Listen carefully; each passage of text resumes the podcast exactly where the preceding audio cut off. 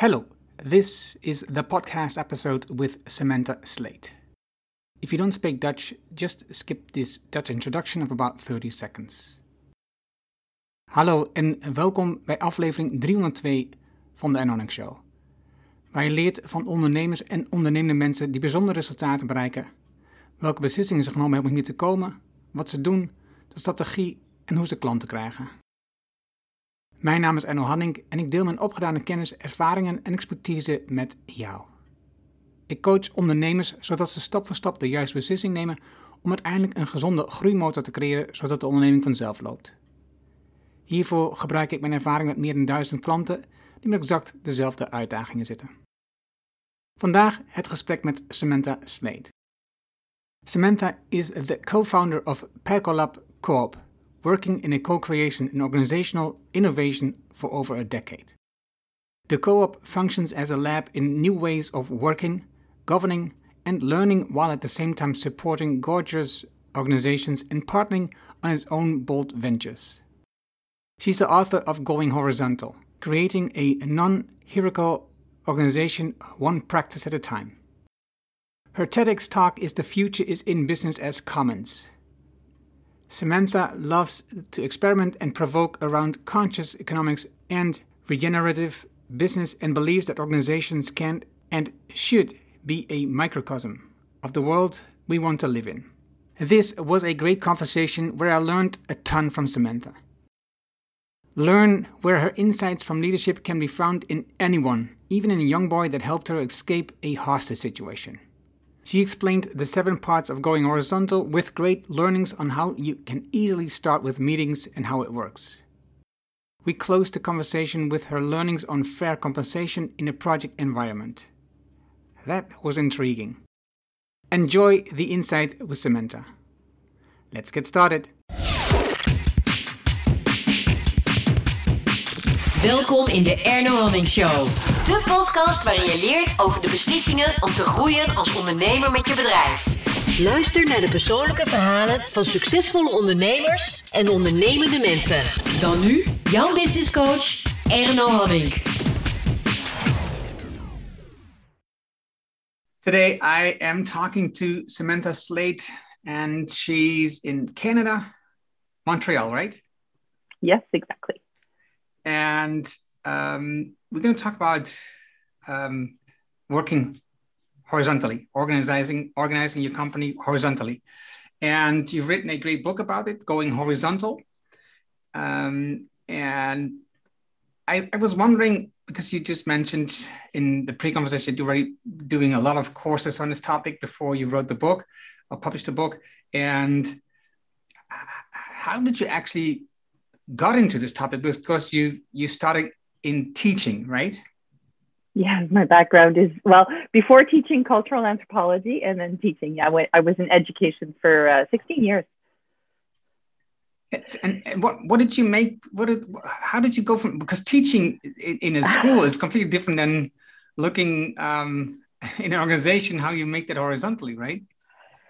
Um, not so much in a okay. certain funny way. Nobody's ever asked me this question the link between my 16 years in education and my 20 odd years in, in um, organizational development. Because um, as a teacher, well, first of all, I'm in Canada. So I had this unique uh, blessing is that when I became a teacher, I uh, chose to begin my career in a northern community. So in Canada, that means an isolated, you fly in and you can only fly in and fly out, right? And so I worked with um, children from very young age to older age. So I basically had five grades to teach at the same time. Imagine. Imagine. And it was my first year of teaching. And so the only way to do that was to create a self organizing classroom and for the students to self-direct and self-manage their own learning. There was no other solution to teaching five topics to of like at the same time to diff- at different grades. I had primary school and high school all together, and that was the like this kind of um, it was like a design challenge, if you will, that I rose to and and fine tuned into like a very sweet system in which everyone was thriving, everybody was self directing, but in a collectively held way. and it was absolutely beautiful for both myself and the students. From there, I moved on and became a pedagogical consultant, then a curriculum development, and then I was um, on loan of service to the Ministry of Education and Research and Development. So I was really thinking about this thing about not just how we learn, but how we thrive as human beings, right? And at one point, I realized that um, I had a lot of creativity in me. And so maybe the best place for me to express that to its fullest was to be in uh, a private business. And so that's when I left the public um, education system and started Percolab, which is today a cooperative and a network of cooperatives. And we're it's going to be 15 years soon. So it's um, almost as much time, yeah, in one and the other. And um, organizations have done the very similar thing as education system as they think that you have to set stuff up in a hierarchical way the same as the teacher to the classroom and everybody tells you what to do. That that education model is very akin to the business model that we've taken on. Neither one of them really makes sense. Neither one of them is attuned to our human nature. That's the cultural anthropologist and it's very simple to break through them and go into very very natural feeling, very simple, very accessible practices, ways of organizing, functioning within constraints that are both productive and feel good for yourself and each other. Okay. Yeah. Um, couple of questions. yeah.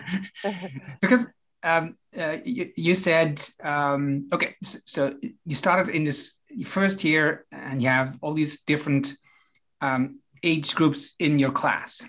And yeah. I can imagine that this was not part of your education. Um, Gosh, how, no. No.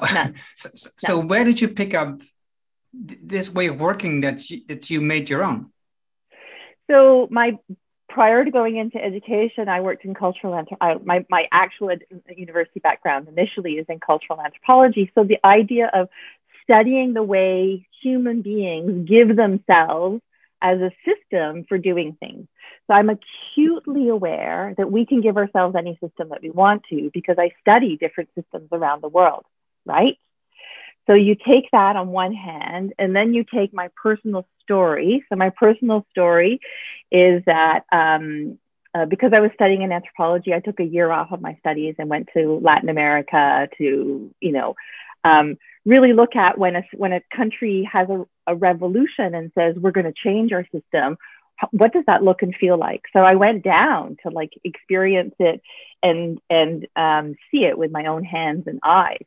And so I've been really always very curious about this, like the ways we give ourselves to organize. Unfortunately, or fortunately, depending on how you see that, um, during that trip, I um, uh, fell into some kind of uh, trap of organized crime, and I was taken hostage and put on a market to be sold uh, into a human trafficking system. And so it's just um, in that in that instant, it really lasted just a few hours. This incident, because of course I, I survived it. Um, there was a young boy who was maybe ten or eleven years of, uh, of age, who who uh, through a great act of courage uh, helped me escape. And that has always seared into me that idea of leadership is for everyone. It doesn't matter your age, it doesn't even matter if you're an adult. So I have that. My model for leadership is an 11 year old boy. Wow. Right? That's so you take my my cultural anthropology kind of knowledge, my model of leadership, which completely is is a personal, very powerful experience, and then um, and then just my life journey. Of course i'm always going to be thinking about how we organize what's leadership in there how power shows up. These are just these are my life questions. Okay why did you go there? What, what did you what did you not, not not why. What did you want to do there? Did you um, was it like tourism or did you really want to work there in south, uh, south america I worked in different organizations. So the idea was how could I, from um, well, you know, best I could from my early age 20s naivety, um, blend into a local organization and really get a feel of what does it mean to be in an organization in a country that's um, living a revolution. During that time period, it was Nicaragua, by the way, and uh, and just to, to experience like the. So I worked in a cooperative Um, and then I worked for an arts uh, organization, and um, I really just kind of uh, lived both the good and the bad, the uh, the dream and the disappointment, the surprise and the and the things that weren't any surprise at all. And and it just it really had me thinking a lot, and I've never stopped thinking about these things. And and when you when you were captured and you got released, was it? Did you I didn't really get released. I no, you, you the, escaped. The, the, young lad left the door unlocked for yeah. me and let me know so I could escape. Yeah. Yeah. Sorry, you escaped. So and and when you um, did was that a, was that a moment that you thought about going home? At that time, uh, it's interesting. No, no, it never occurred to me to go. I continued. Um, yeah, uh, I for, there's something on it. I mean, I'm part of my journey is I have a real curiosity to to think about the, the different ways human beings do things. And so I have a certain joy about being in different places in the world. I'm European by birth. My mother's come, lineage is from the Spanish Civil War. Uh, I like so there's displacement and refugees in my family. My parents were nomadic for 10 years on a sailboat. So that whole idea of being where you are and being fully there is something that is comfortable for me. So it's funny that you asked that question. Did I ever think of going? No, I continued my journey as I had planned to do it. right. And you also, before you mentioned that, um, you said you, you felt that you had you i'm going away from the trip by the way i'm going to um, the switch you made from school to um, to business right you felt that you yes. had more creativity um, going into business yes why is then, why can't you release the creativity in schools? Oh, I did release it in schools, but I realized I was a system changer. So being in a single school was not uh, feeding into my system change, right? So it, it felt like for me, if I like really look with it with hindsight now, it was a, this magnificent prototype space for me, right? I I was perfectly happy with the the group of students I had for the different years and had huge amounts of learning, huge amounts of experimentation, huge amounts of tool development. And then I kept moving different places within the education system. And then I realized that to continue my journey of exploring and, and, and creativity, it was to, for me, anyways, at that point, it was to move out to, to private sector. Right. Uh, do you, do you feel that you might ever go back? Well, I feel like the the me who wanted to affect systemic change in the education system back then was under equipped to do it, and the me that's today with all the learnings, if I wanted to go back into the education system to effect systemic change in there, I could undertake that huge challenge because it's huge moving that um, uh, that steamship. Yeah but uh, for now, I am perfectly happy where I am. You know, I understand, but I, you, you mentioned it's huge, but isn't it, isn't it also necessary for our future generations? Oh, yes. yes. and so one of the things that we, uh, that I think that um, uh, Percolab Co-op, one of the things we're very acutely aware of is there are people in the public sector, in all different spheres of the public sector, who are uh, brilliant and amazing and visionary and caring and and brave and want to really effect change. So how can Percolab be supportive of these people?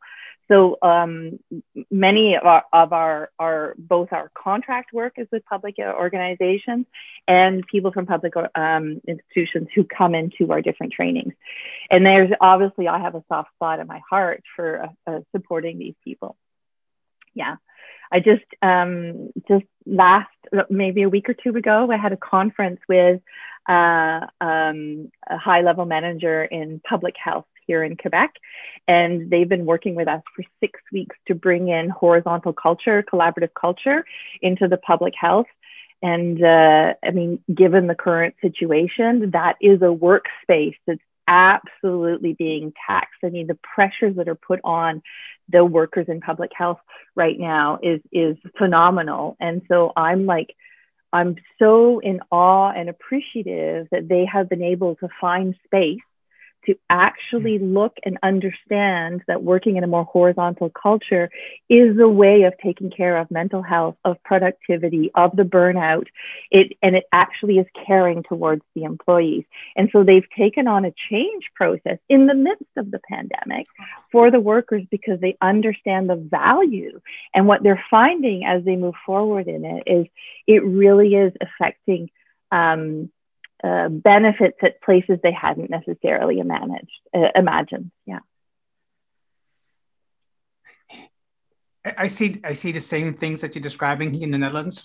Um, the, uh, I mentioned before that I I'm working now with somebody who's writing a book about um, the new European way of working, uh, and the, the, hospitals here are also kind of like organized in um, the the Anglo-Saxon way. So um, top down, um, you get you have this small part of the job to do. You cannot make any uh, deviations from it, and you have to write down the, the, the hours that you work on the patient. So there's more registration than actual work sometimes, and I can see how, um, and that's that he is really writing these books and um, being in these organizations to change that. So I can see how how this could really help them to go horizontal.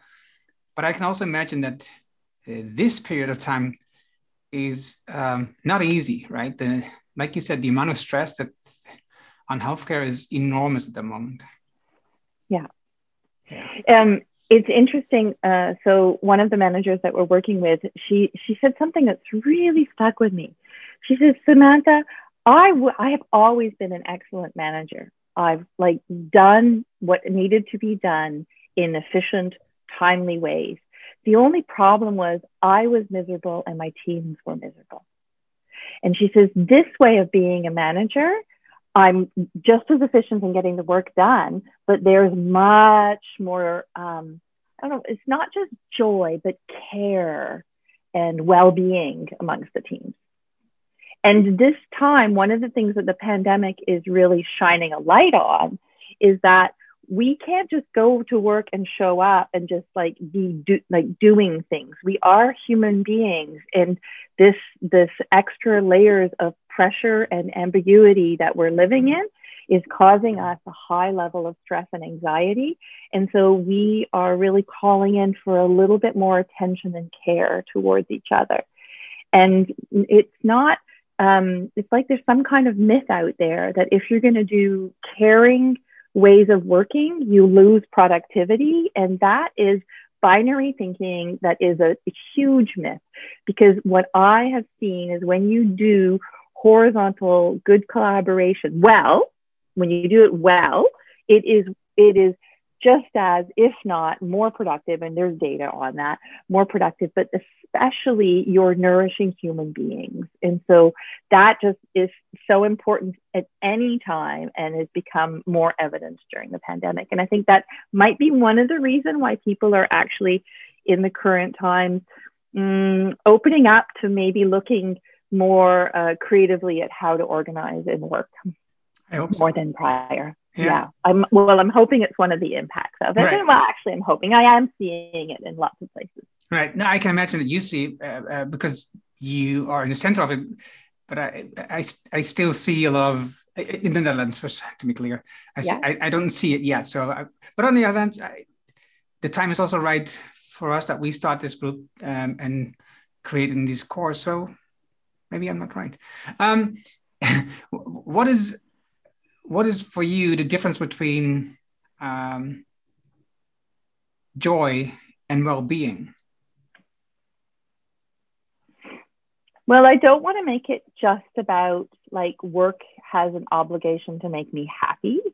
I think there's some like there's some basic um, ideas of being a more conscious human being is more important than just the joy which can come without the levels of consciousness. There is a reality that we are working today in a system that was not created to take care of everyone. It takes care of some at the expense of the others, right? That is a fact that we are, you know, all living in that. So when we face that, it's not bringing us joy. It is bringing us awareness and consciousness. And so part of that is to actually really um, affect deep change in the world that we're in today, at one point we'll have to be accepting that we'll um, need to be uncomfortable, right? And so if we're just focusing on joy, I think we forget some of the deep systemic change that we need to do that isn't necessarily fun.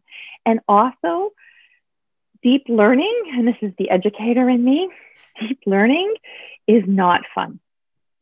Like light level, superficial learning, super fun, super joyful, super enjoyable, right? But when you go deep learning, there's a pain to it, there's a vulnerability to it because you're like reconfiguring parts of you, like there's neural pathways it's exhausting, it's challenging, it makes you revisit your life. You can actually be harsh on yourself and go, oh my God, I can't believe I did this for all those years as you become aware of something else.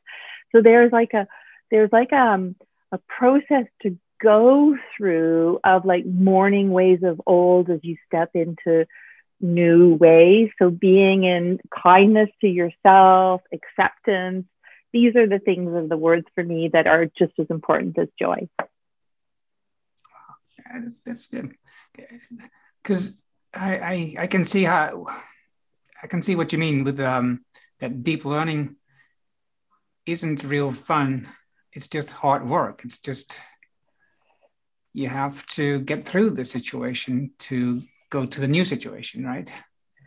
Yeah, I mean, like learning science is going to talk about human beings love love to be in a space of learning, but there's like an elastic to it. If it's too much, then we get overwhelmed and we're no longer thriving. If it's too little, we kind of stagnate. There's like a sweet spot, right? It definitely when you're um, moving into de- like reconnecting with self-organizing, self-managing horizontal practices, you're you're in a you're in a high deep learning space. Though these practices are natural for us that's the strange thing about it. So you know um, you can do something as simple as saying, oh, let's bring in uh, an appreciative culture as a way of doing continuous improvement. So, appreciative culture means like imagine at the end of this, uh, our session today, we'd say, oh, let's just do a triple A on how it went. So, what did we appreciate? What went well? What did, um, what was like, there and was present was great, but there wasn't enough of, so we'd like to amplify in the future. And then what was actually, we kind of like fell off the chair and we should be adjusting, right? So those three things is so simple. It's in our human nature to do like triple A's, like uh, uh, appreciate, amplify something that's working well, and adjust. And so bringing in like um, a culture, a ritual, a practice of doing that is is ever so simple yet we can experience a little bit of pain as we integrate it because we go oh right i haven't been appreciative enough. I'm just always going into the adjust to people so i'm missing some of the you know kindness as well. And so yeah I, any new practice you, that, that you bring on no matter how minute it is um, it, it, it helps you start have, like thinking about your life narrative of how you've been showing up at work as you think about how you would like to be showing up at work.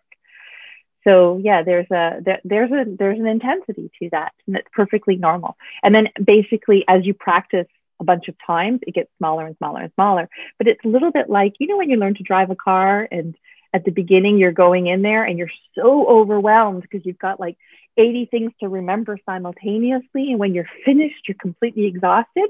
It just gets easier and easier and easier with time until at one point you're just like, you're just doing it all. It's like your body's doing it like it's natural. You're not even, there's no exhaustion. It's com- perfectly natural. Well, that's what some of these practices are about horizontal practices. It's like doing them enough times that they just become automatic and, and we do them. Like if you came to, you know, a team meeting at Percolab in our co-op, you'd just be like, the things that we're doing aren't a big deal. They've just become second nature. So somebody will do something and go, "Oh, can I have a triple A on that?"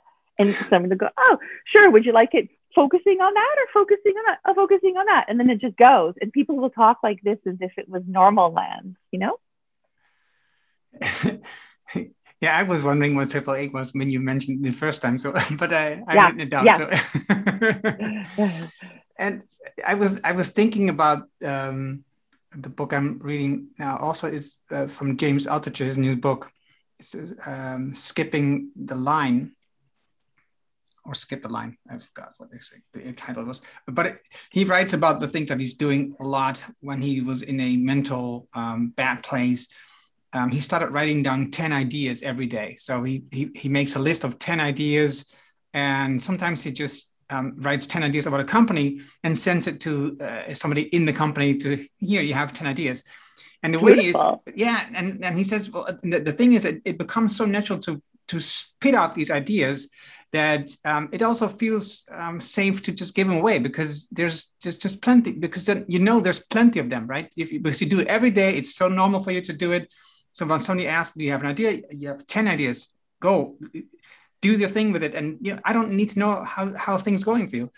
And i think that's that's similar because um, when you read the book um, going horizontal there's there's a lot of things in there when i read it the first time that oh how how will this work? How do you need to do this? How does you have to think about all these steps that you mention and i go oh my god this is overwhelming well, that's because you're still in the thinking space. You got to stop thinking. It's like if, if that guy was thinking about writing the 10 ideas for business every day. And if he keeps it in the thinking space, it gets overwhelming. We've got to take it out of the thinking space and get it back into our hands in the doing space.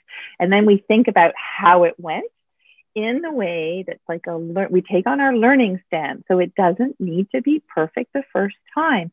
Like when you look at the way we organize meetings right now it's been iterated from decades and decades and decades and decades right? So we just assume it's the way it has to be right? But it doesn't. Like somebody created the way the, the meeting happens in your workspace and it got iterated fine-tuned and then accepted as whatever. It can change at any time right so if you want to come in and try something out, of course, it's not going to be as crystallized into the perfectly adjusted form the first time because you're trying out a, like a different way of doing it that needs to adjust to the specific context of your work world. So um, I mean, sometimes I work with groups and they're, they're, they, we do often do a thing called co-manage meetings. So how does everybody take responsibility for a team meeting, for example? And so you co-create the agenda and each person is like an item owner of the point on the agenda. And then you facilitate it yourself. You self-attribute the amount of time you want from the collective amount of time. And people can even gift time to each other during the process as a way of saying, I see your point as so much priority. I'm going to gift you my time in 10 minutes to finish it. Like, so all of these very natural, caring, functional, productive human practices come into play. I guarantee the first time you would run a co-managed meeting, your colleagues are going to find it clunky because everybody's like, "What? How do we do now? What do we do now?" Like a little bit like the first time you you, you go and, and learn to drive a car, and the second time you go, then people are like, "Oh, I get what you mean." Da da da da da da. And when we do this in co-managed meetings, we invite people to have like a shared vocabulary of the types of points you, um, you bring to an agenda, which basically is saying, I'm making explicit what I'm expecting of other people in the re- meeting. So I suggest four default categories, which are like, I'm just, you know, going to inform people. So people just need to be silent and listen or going to consult. And so I'm going to be silent and listen or we're going to co-create and work together. So I'm going to put something in the center and we're I don't have the answer and we're going to work on it together, or we're going to have a shared decision, which means the other points is not decision making. The points of decision making, I'm going to say this is a this is a shared decision. So I often use with organizations these four categories, but they might not be the fit for your organization organization. So you could go and try them out and you go, oh yeah, two of them really work because our organization is this, da, da, da, da, and we need one other one and this one, you know. So you have to, like any new practice or way of doing it, it has to be fine-tuned and iterated to be a response to your local context. So again, we need to try it out multiple times, right? But the real thing that people do, and this is the thing that mind boggles me, is that when you're trying a new practice, you want to try it out in a safe space. So you don't want to go to your huge, high risk, high stakes, like company meeting as the first place you would try out a co managed meeting, right? It's like trying out your car for the first time and driving across three countries. You don't want to do that, right? So what you want to do is you want to work with just a couple of colleagues in a team meeting, just like or a project meeting, just some small meetings where if you mess up, you know people are going to you know not judge you. There's care. You can talk it out learn and tweak it together. And when it's more like like a felt habit in you then you go okay i think i'm ready now to take it to that that much more high risk place. So doing that and like um i call this it's like a pathway of practice. Just go like small easy kind of kind spaces first develop your ease, develop your uh, contextual adjustments, and then as you grow in that confidence and ease and and uh, adjusted tools, then take it up to the higher spaces. So often I hear people go, "Oh, Sam, you know, I really think this, you know, horizontal practices are really great, but I took it to this thing over here and it didn't work." And I'll say, "Well, had you tried it out three or four times before you did that?" No. So I know straight away that it's almost like you're not giving yourself the conditions for it working well. And there's something I I applaud the bravado, but I also invite us all to go, well, you know, what's wrong with small steps?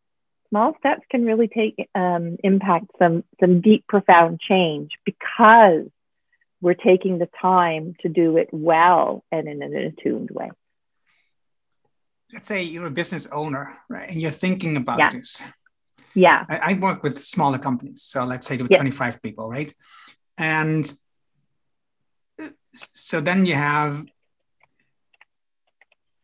you want to introduce it into a small group or do you want to introduce it in like the management team meeting how do you how do you, how do you what do you suggest you you introduce it for yourself first you don't for have yourself. to take it somewhere first of all you go i want to i want to be comfortable doing co-managed meetings. I want to be comfortable uh, formulating and receiving uh, uh, you know appreciative aaa uh, feedback right?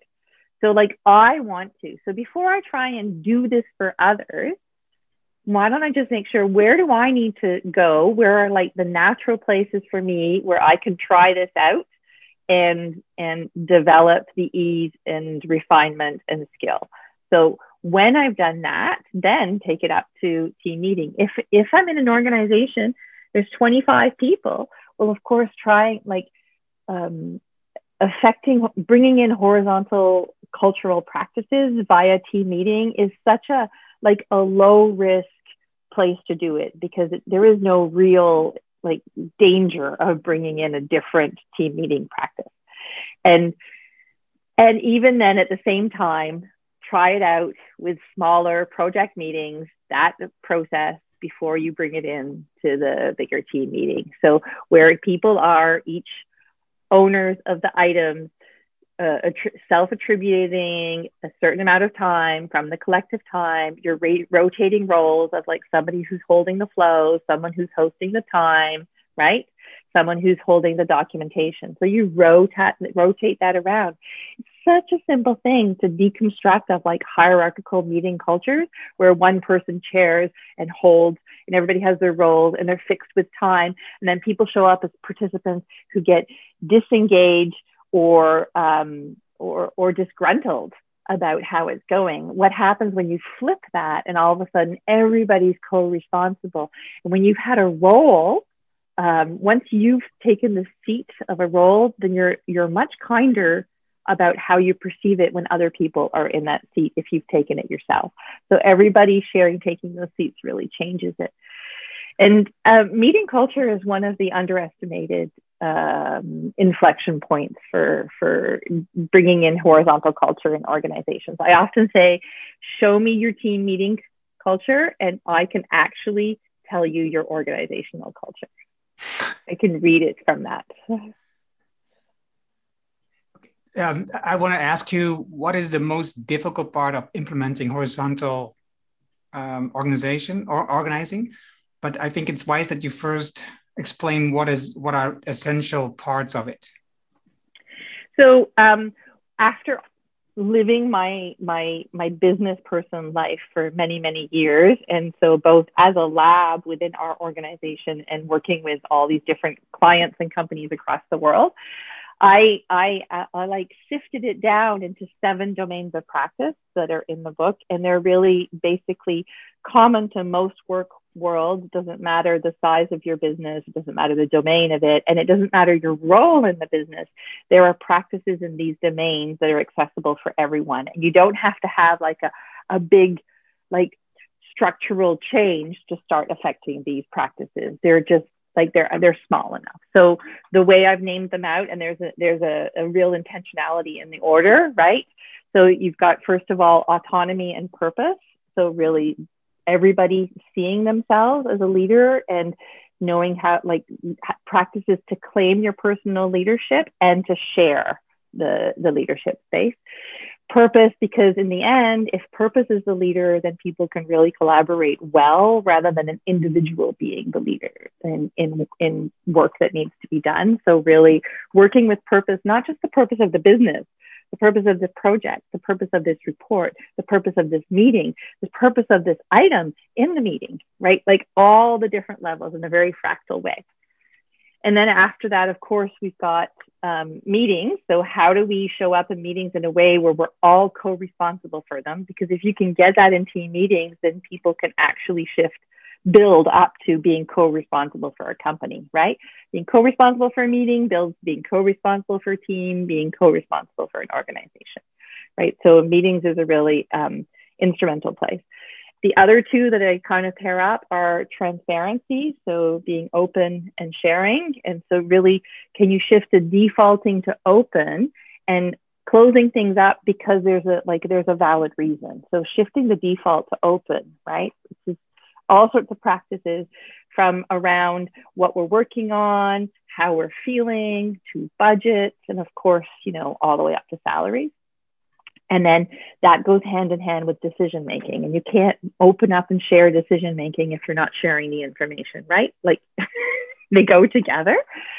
So being really um, intentional and clear in the different methodologies that exist for decision making and what methodologies are used for what context in your organization. So, I mean, I dream of every organization having its decision making map so that somebody new could come in and know where decisions are made and where they can affect them and what methodologies are being used with a little decision making log that you could very simply go and, and inform yourself of the recent decisions. I mean, it's such a simple thing to do for organizations of 25 people, very simple. So those are the next two transparency and decision making. And then after that, of course, we have um, we have we call it learning and development. Really, how do you self like how do you have a self-directed learning system in an organization and how do you hold that collectively? So getting beyond learning just being like somebody doing a needs analysis and telling me which training to do whereas i can actually be go- seeing what i want to be learning what makes sense for where the team and the organization is going and having all sorts of creative ways of um, affecting my learning. The aaa process that i just gave like using that, it's a it's a self-directed learning tool. You get that? Yeah. Like it totally shifts it. If I want to if I if I'm a real learning organization, bringing in tools like that as just part of team culture is like building up your learning culture. So um, self-directed learning, collectively held, and of course the final one, relationships and conflicts, which people think is you know a nice to have when you have enough time but we all know that if it doesn't get uh, the attention it deserves things escalate and then completely take over and overwhelm a situation and the work and the productivity and the general atmosphere in an organization. And the cost of not taking care of relationships and conflict is absolutely phenomenal in organizations. So like the micro practices that take care of that we don't talk about it enough. Like just me knowing when I'm present and centered versus when I'm triggered, right? And how do I see that for someone else and help that through? So don't take, if I see my, co- my colleague is triggered, rather than escalate the situation, how do I invite in something that will appease the situation? And triggered the, means triggered? Triggered means I'm having an internal reaction that is not commiserate or appropriate to whatever's going on. It's because my life story is showing up in this work context right now. And so I'm having a disproportionate reaction. And if people don't know that and I'm not self aware and saying it, then I say some nonsense, somebody else responds to it, and it goes up and up and up and up. So for organizations, acknowledging that we all have our triggers and just having that as part of like a normalized way of understanding human beings in the workspace and working with that um, is really a way of um, uh, proactively taking care of the relational space in the organizations. So I think when you go uh, in more horizontal mindset, what you're trying to say is the same way everybody's responsible for a well run and productive meeting, we're all co responsible for a healthy and functional and flowing work atmosphere, right? Yeah.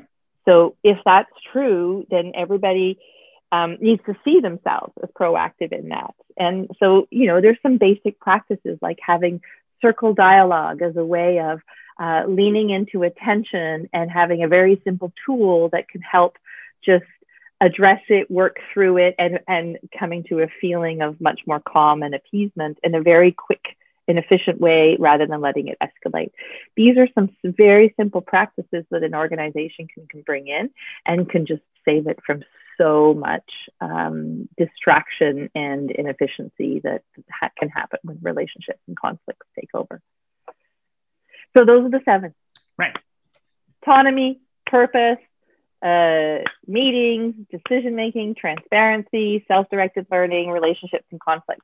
There's tons of practices in there. And the idea is is you don't need to wait for permission from somebody to start you can start for yourself like tomorrow you can start in the small level and then you can bring that up and it can transpose into full organizational culture that's a horizontal culture and then this can go of course into like the governance system and then often when you have this kind of inclusive uh, participatory culture and way of functioning oftentimes it will it can make its way into the way the profits are shared.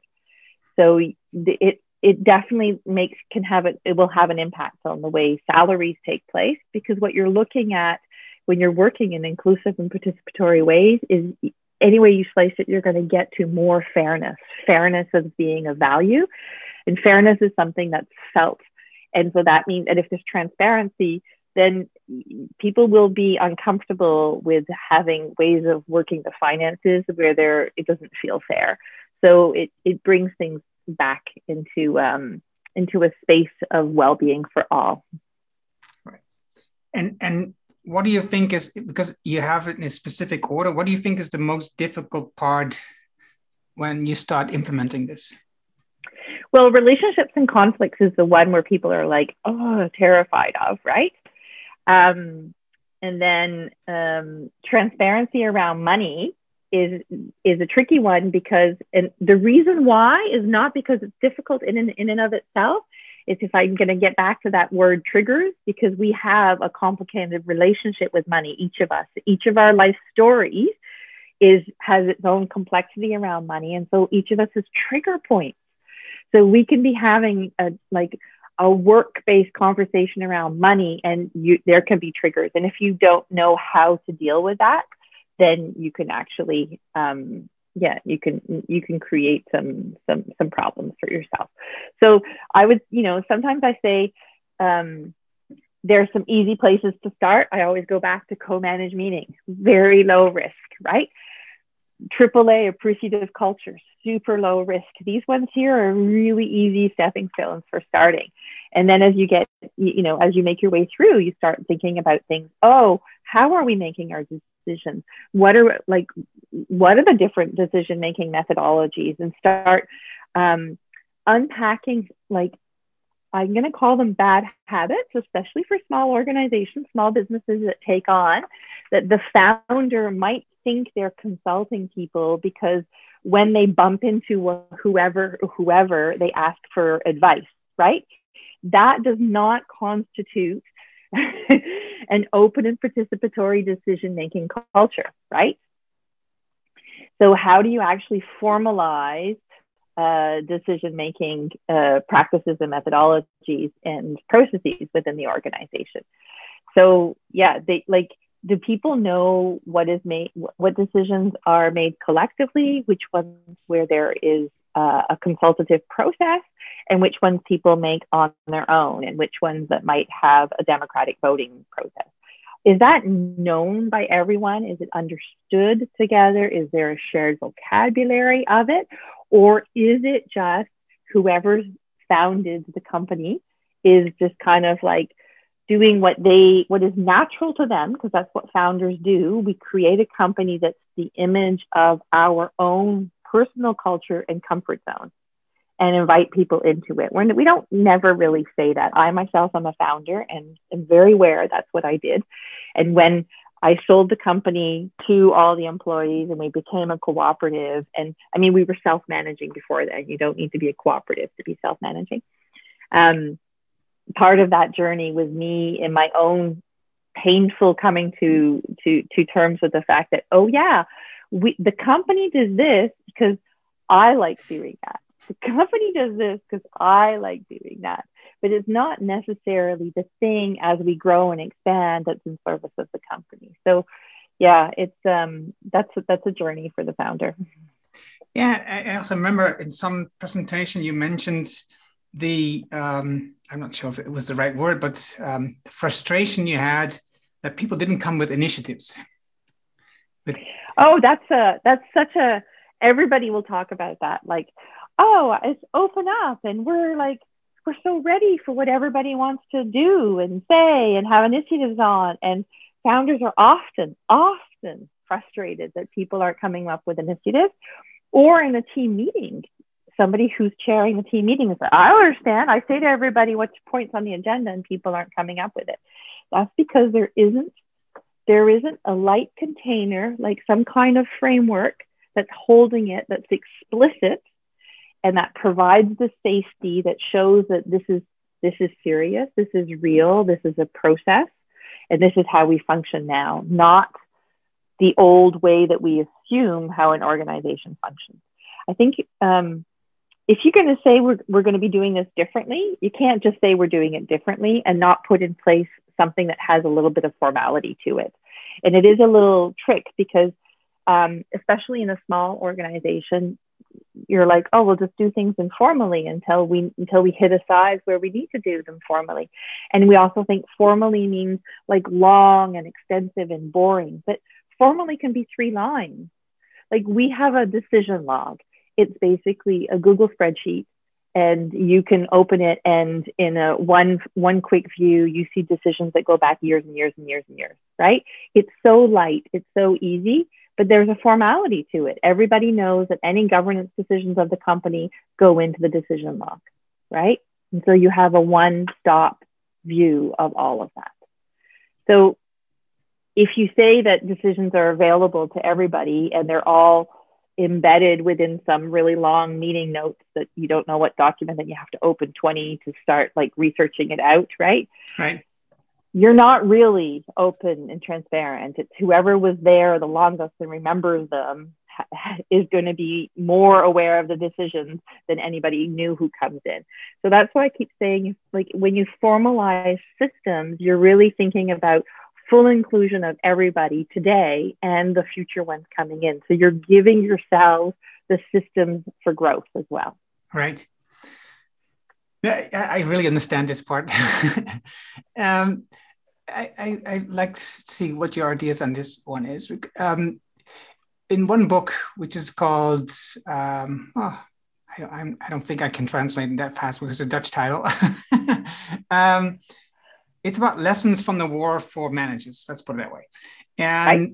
so it is about um, the German army, how they have a, a really different um, settings in the Second World War than um, the um, Allied army, right? So mm-hmm. they in the Allied army, it was especially from America and and, and the UK. It was um, the commander um, makes the decision, and it goes downward the line and by the time it comes to the front um, of the of the war, um, the changes already happened. So uh, they have to go back and ask for new directions. In the German war, they say we have a um, not German war. In the German army, they say we have a, a, a very clear goal, and we don't give out the details. So we say you have to conquer that bridge, and that's it.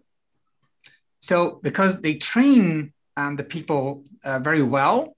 They know what, and it's called the doctrine. They know the rules and regulations.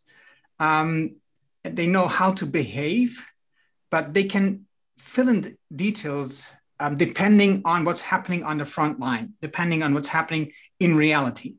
And the, the book is about how you can translate that into a corporation, or into a business.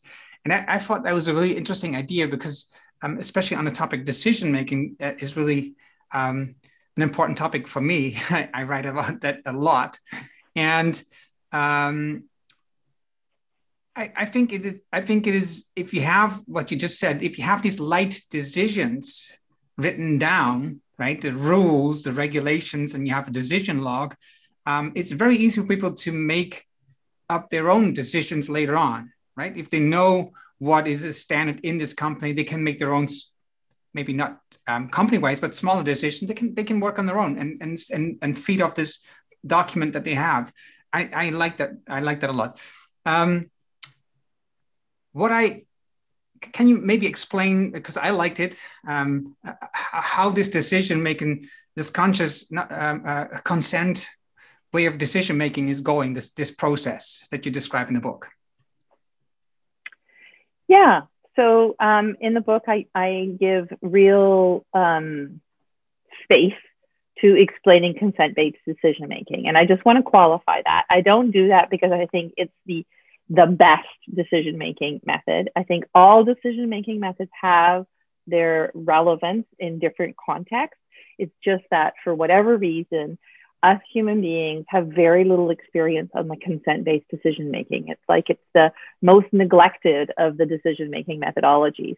And it has real value because consent based decision making, what's interesting about it is it's very inclusive. So everybody gets a voice and its focus is movement. So staying in movement is something that companies need to do. It's like it the consensus one, which can be very long and everybody has to be on board, right, is really relevant, especially for I don't know, like um, a co-living context, right? But in a in a in a in an organization, things are moving. Things are moving fast, and we there's so many contexts where people want to be making decisions together, but they don't do it because they think it can't be done efficiently. So consent based decision making can break through that. So um, I I propose the one called generative decision making, which is is which is built on integrative decision making, and it, you know what it's really doing is it's helping people break down a few things. So first of all, a lot of confusion happens in decision making because people are um, starting to comment and react on things that haven't even been clarified. So everybody's understanding the proposal differently, and everybody's already like expending energies on react. So we put a boundary on that and say no reactions until we've clarified that everybody that the, the proposal was properly understood. I mean, it sounds so simple, right? it does is that like well of course. Well yeah. of course. Why would we all be like reacting on something we don't all understand? So that means there's a facilitator holding that boundary and saying okay any clarifying questions? Any clarifying questions? Who answers the clarifying questions? Just the proposer. Like everybody doesn't need to add their two cents. It's not time for a debate. It's just here's the proposal. Can we clarify what it is? And then you don't have to clarify everything. Every single day, we all make proposals that have a, level of information that just goes into the field of trust. Like we clarify one thing in the center and the rest. That's what a proposal is. We're never detailing everything, right? So really like learning that so you know focusing to the proposer and say, you know the proposer clarifies and the proposer just says either yeah, I can clarify it. Here's the clarification, or no, I can't. And so being explicit, what's clear, you know, what's left unsaid around this proposal. Again, no big debate, no conversation, right? Can you imagine if you had like a clarifying session around a proposal? It can take like 10 seconds to 10 minutes, never anymore. And never. It's like so rare, it would take more than that. And then you're like, okay, everybody, speak your mind. How's this making you feel? And everybody knows that they're going to get heard And this is efficient because it's a go around and everybody will be heard. And if you're not ready, well, we'll come back to you. But when I speak, I speak to the center. I'm not speaking to so and so and entering the debate around them. I heard what so and so said. I think the absolute opposite, and I'm going to say it. And and it'll just hover in the center. So what it's doing is it's saying every perspective matters. And we want to hear your perspective. Everybody wants to hear everybody's perspective because when all the perspectives are spoken, the full complexity of the decision is revealed. And so what you're doing is you're shifting from, I want the decision to be my personal thing, the way I want the world to function. So all of a sudden you're going, all right, there's 10 other ways this could be approached. And when I listen to them, I'm like, huh, that was not so bad. Huh, never thought of that one. So all of a sudden I'm not so attached to the way I wanted it to be. Just hearing. So each person feels heard and each person starts to like detach from it having to be my way. You see that there's multiple pathways forward. And then actually having a process to say, you know, before we take this decision on, does anybody see a risk it could cause to the company, right? And so you're no longer going, oh, it's not my it's not my preferred proposal versus your preferred proposal. You're all co taking care of the company together. So you're really shifting your posture from just defending your position to now like, oh, I'm with my colleagues caring for the business. So many things go on in that generative decision making process that really builds uh, um, a collective culture. And so the fact that it's it's um, underutilized pretty where everywhere I go. I really do um, make a point of uh, inviting people just to live the experience of it and and to, to think about where are the spaces in your organization where it might be useful for you. Yeah. I can see so many advantages and um, so much safe discussion, saved, saved discussion, right? So yeah I've I've been yeah. in so many meetings where everybody has have to give their two cents and oh yeah and then in the end nothing has been decided right so that's also yeah. uh, also always very yeah. funny you uh, then you go uh, leave the meeting go like so what was the decision what are we going to do now so much frustration and inefficiency this is what it is is it's a light protocol so like a protocol for me when i think of a protocol i think of like Think of a river and the banks of a river. What does they what do they do? They help the water flow.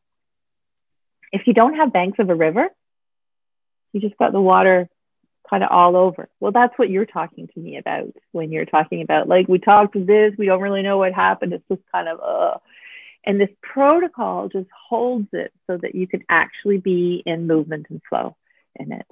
And and in this protocol of generative decision making it's you know the safe enough for now and good enough to try yeah, yeah. is is that's that's all we need. Okay you, need to repeat have that. to have i like i like that a lot.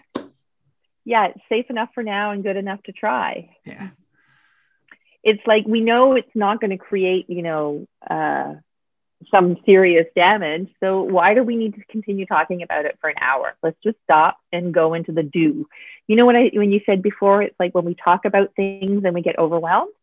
So it's like I really think one of the things that we, we we've got to um, reconnect with because it's part of our human nature is we've gotten so cognitive off balance. We really like to be in the talking cognitive space, right?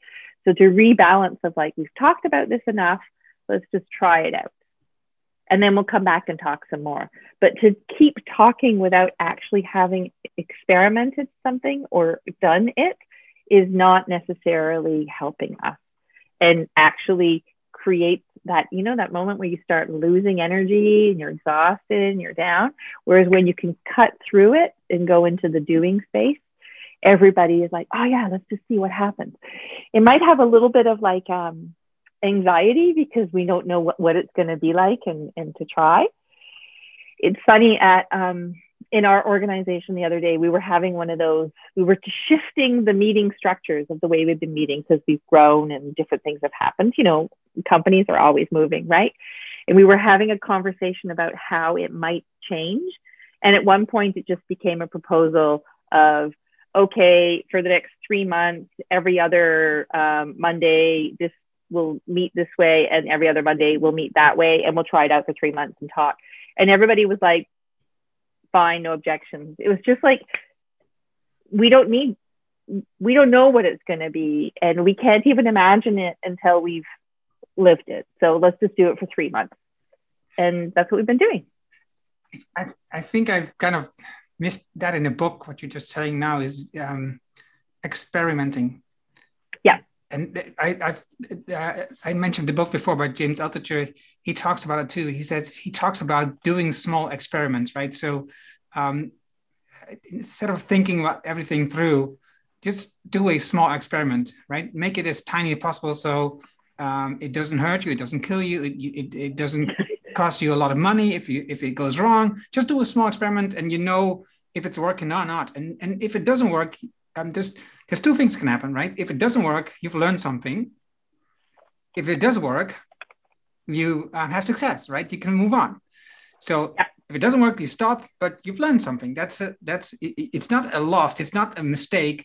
You've learned something, and if it yeah. works, you've success. Continue so they all go together this like learning mindset experimenting mindset and practice mindset they're they're part of like they're just part of the same thing and why don't we go there all the time let's go back to the science around learning see my education background is very useful right when we're in a place of learning it's calling in our vulnerable self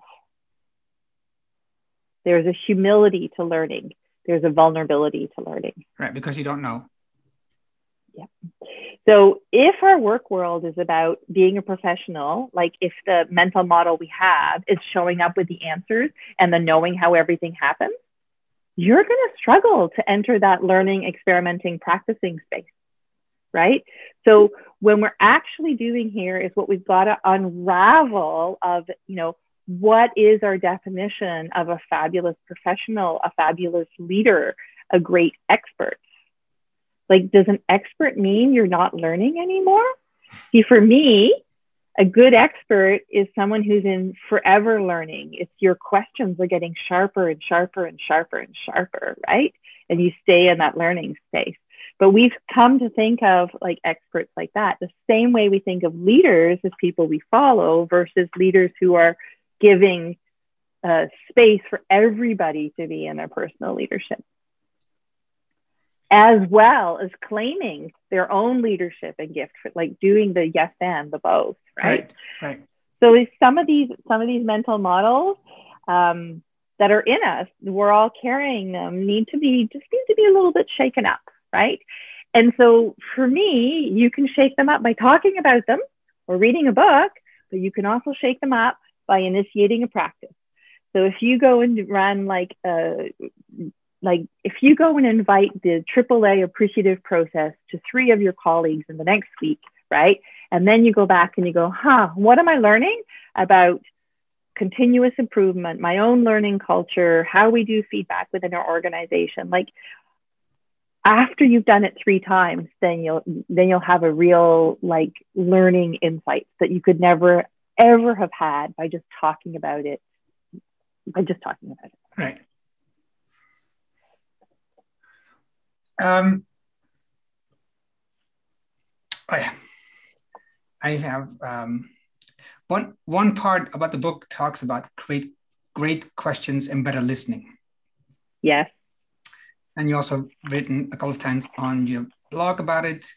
Um, yep for me, of course, as uh, as a business coach, uh, asking great questions is really important. Um, yeah. And I have also, like you said, I, I I have the intention of always learning. So I want to become a better question asker and also a better listener. What is what is an important step um, to take if you want to ask better questions? Uh so if we if we go exactly to what we've been talking about so far about the learning practice experiment space, so like go into the do. So formulate a question on whatever it is and go and talk with somebody and have them like help you improve it. So we have we have a game that we play like um, so imagine you have a question right now like is there something uh, I don't know what's a question you're living in right now or that you want to address if you ask that question all I'll do is I'll ask you back a question and I'll ask you questions around your question and y- you know you're a coach five questions around a question you know that question is going to be it's going to be completely uh, iterated and fine tuned by questions. Yeah. Right? So simple. So simple.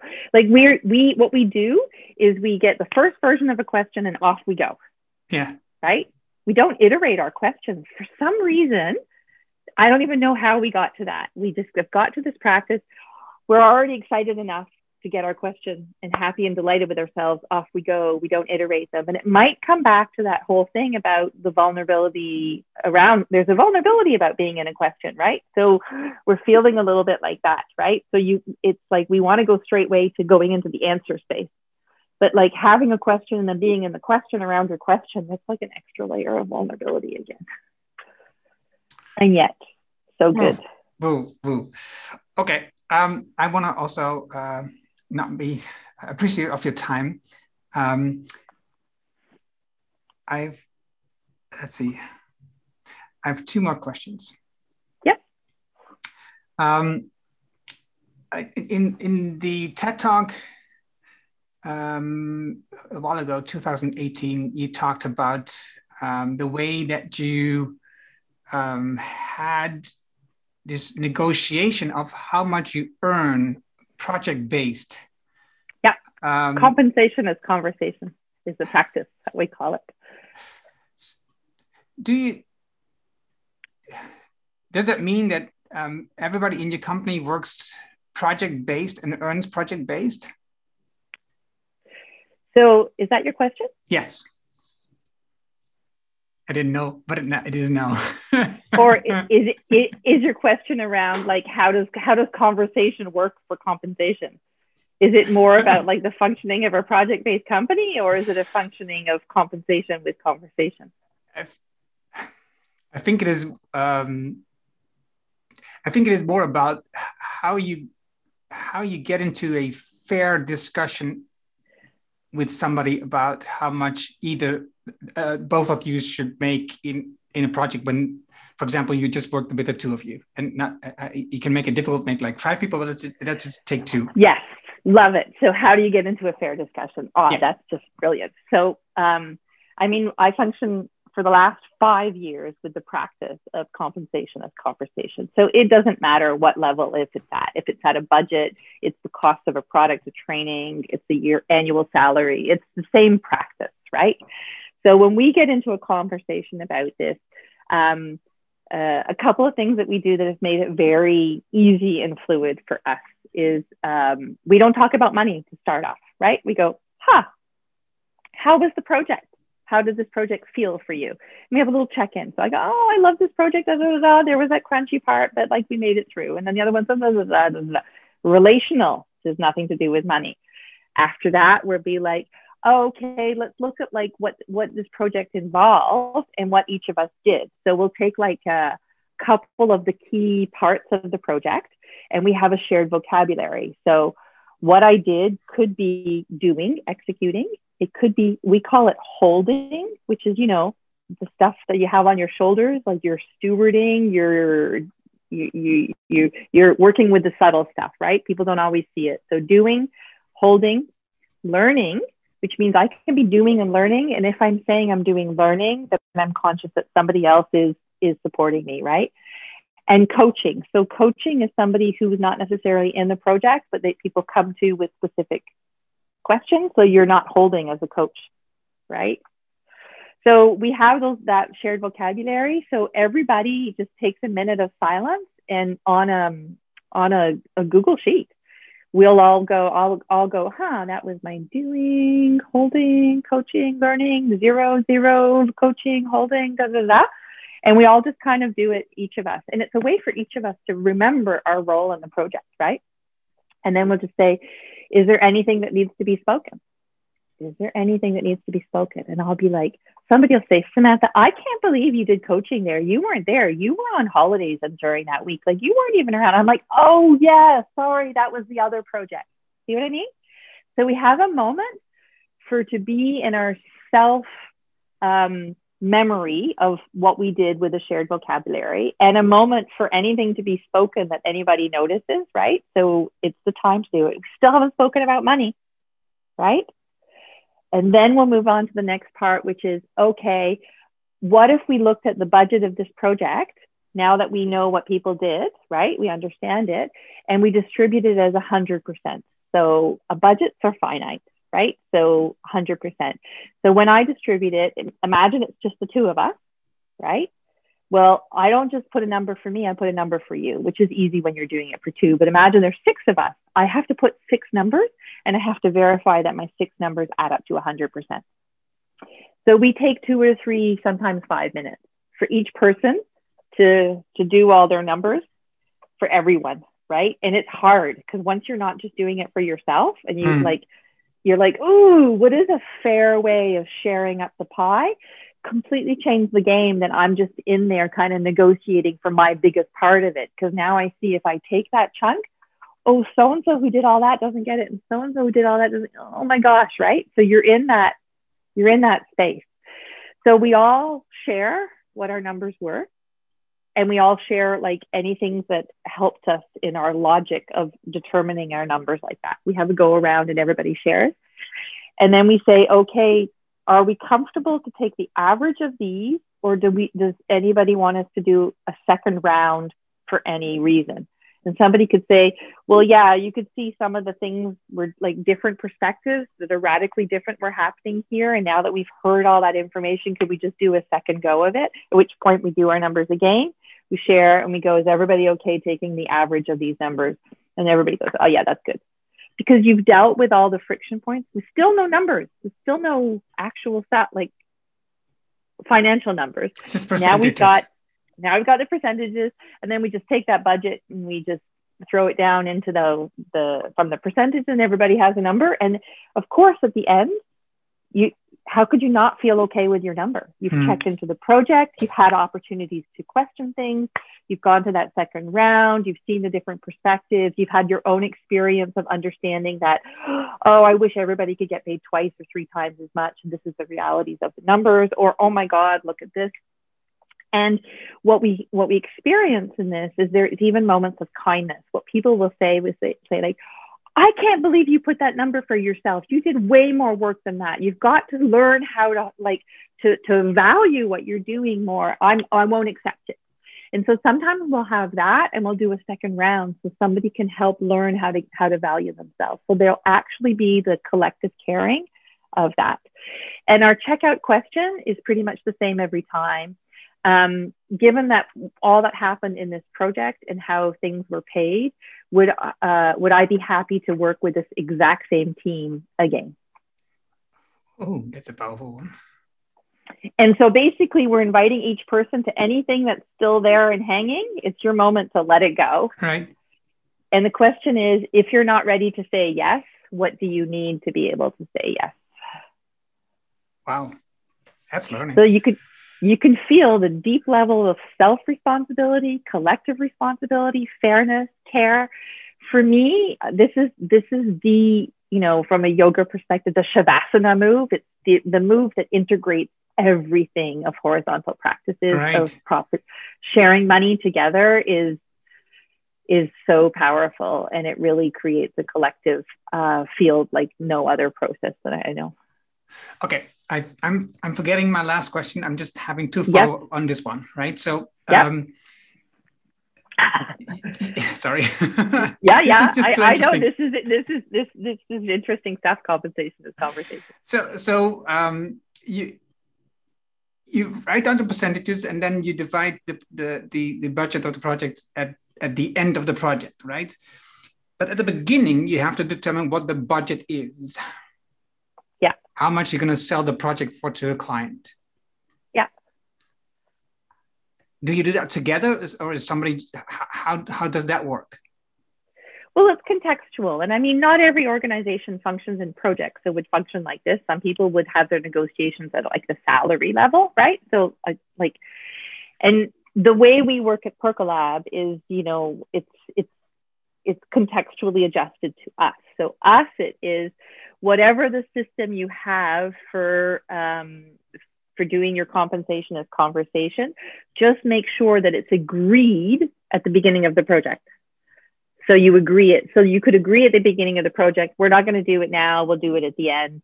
Um, um, for the budget coming in, when you have your team, right? We're going to be like, we're building the team and we'll be like, this is the budget that we have for the project. You still have a project lead, right? But the project lead does not have authority over the members of the team, right?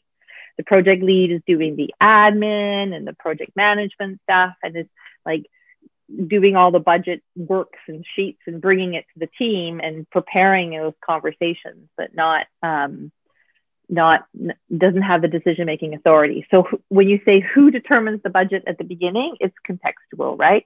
So sometimes a client comes and the contract that you have is like, oh, we have a hundred thousand dollars to do this work. Okay. So then you have a team meeting and that's the first thing will be is here's the budget, here's the work. So when we start talking about the work to be done, the money is on the table, like from the get go. It's never, I mean, but we practice radical transparency at Percolab. And uh, as I say, you don't want to start here, right? start with team meetings, start with team meetings, start with appreciative culture. These are easier spaces. I know, I know, but this is just so interesting. And the last question is yeah. um, when you have that budget, is there a percentage going to the to the company, to the organization? So again, if you want to come back to the way we organize at Percolab, I can give you our specific way, which you know yeah. doesn't mean that everybody needs no, to. I so understand. we have we collectively agree on amount that goes to the the central pot, as we call it, right, which is used for all of our collective things, also used for our personal expenses. Right. So, and our our practice is each person can take seven percent of their salary from the collective pot to do whatever they need to do to be a kick ass professional. And you don't have to ask permission from anyone, but you do need to inform people. Right? So that's the collective pot.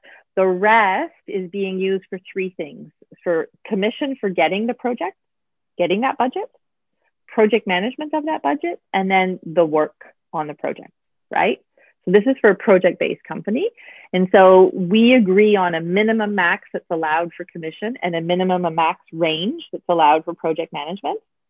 And so when that that financial conversation starts, it always starts off with do we agree on the percentage for uh, the commission for this project? Like how much of the project budget is for commission and how much of it is for project management within the range that we've all agreed is being an acceptable range for the company. And then if it's multiple people who worked on getting the project, well, they will have their own compensation conversation to divvy up that commission budget. I understand. Same thing for project management. If there's multiple people involved and they does that. Yep. yep. Does that clarify at all? Yes, it does. Yep. Oh, Samantha, this was just so wonderful. I learned so much. It was so amazing.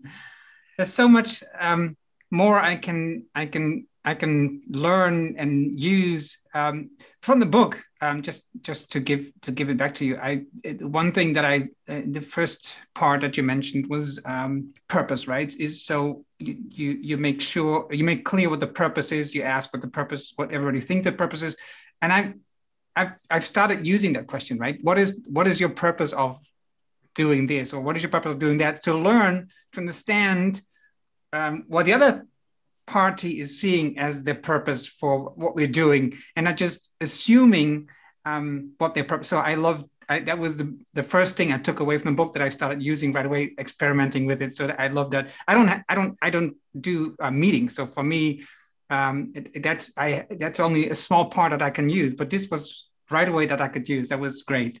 I just want to give Fabulous. you that back. Fabulous. Okay, so um, when people uh, want to know more about you, about what you do, how you work, um, how yeah. how where they need to go need to go. So Percolab.com is an international network of Percolab cooperatives that exist both in Europe and in North America. I am based in Montreal, so you can contact Percolab. Um, if you want to know more about going horizontal, every month we have an open and free um, event where you can play because we've developed a card game on going horizontal. And so you can join in for a short and fun session online um, with people from who, whoever show up from around the world that month. Um, and they take place in different languages, even. So um, the game even exists in Dutch. Oh, wow. So you know, because we have a Percolab in Belgium. And Right. um, and so um, you just look at the calendar and you'll see if there's different events taking place in Dutch. And so you can join to play the game. Um, we offer online practicum courses. So just, you know, easy three times two and a half hour simple courses if you want to get initiated into the practices. And then we offer um, more extensive like learning labs that are eight weeks long. But I mean, you can, you can speak to somebody in the Going Horizontal community. There's the Going Horizontal website as well. Um, it's all out there, and it's really just like join the movement and uh, start being initiating practices, and then start talking about them. We also have the uh, medium uh, uh, space for Percolab where some of the practices and stories that are happening in emergent way are shared on that space as well. Thank you. Thank you very much, Samantha. Thank you so much for having me today and for all the great work that you do. Dat was het mooie gesprek met Samantha.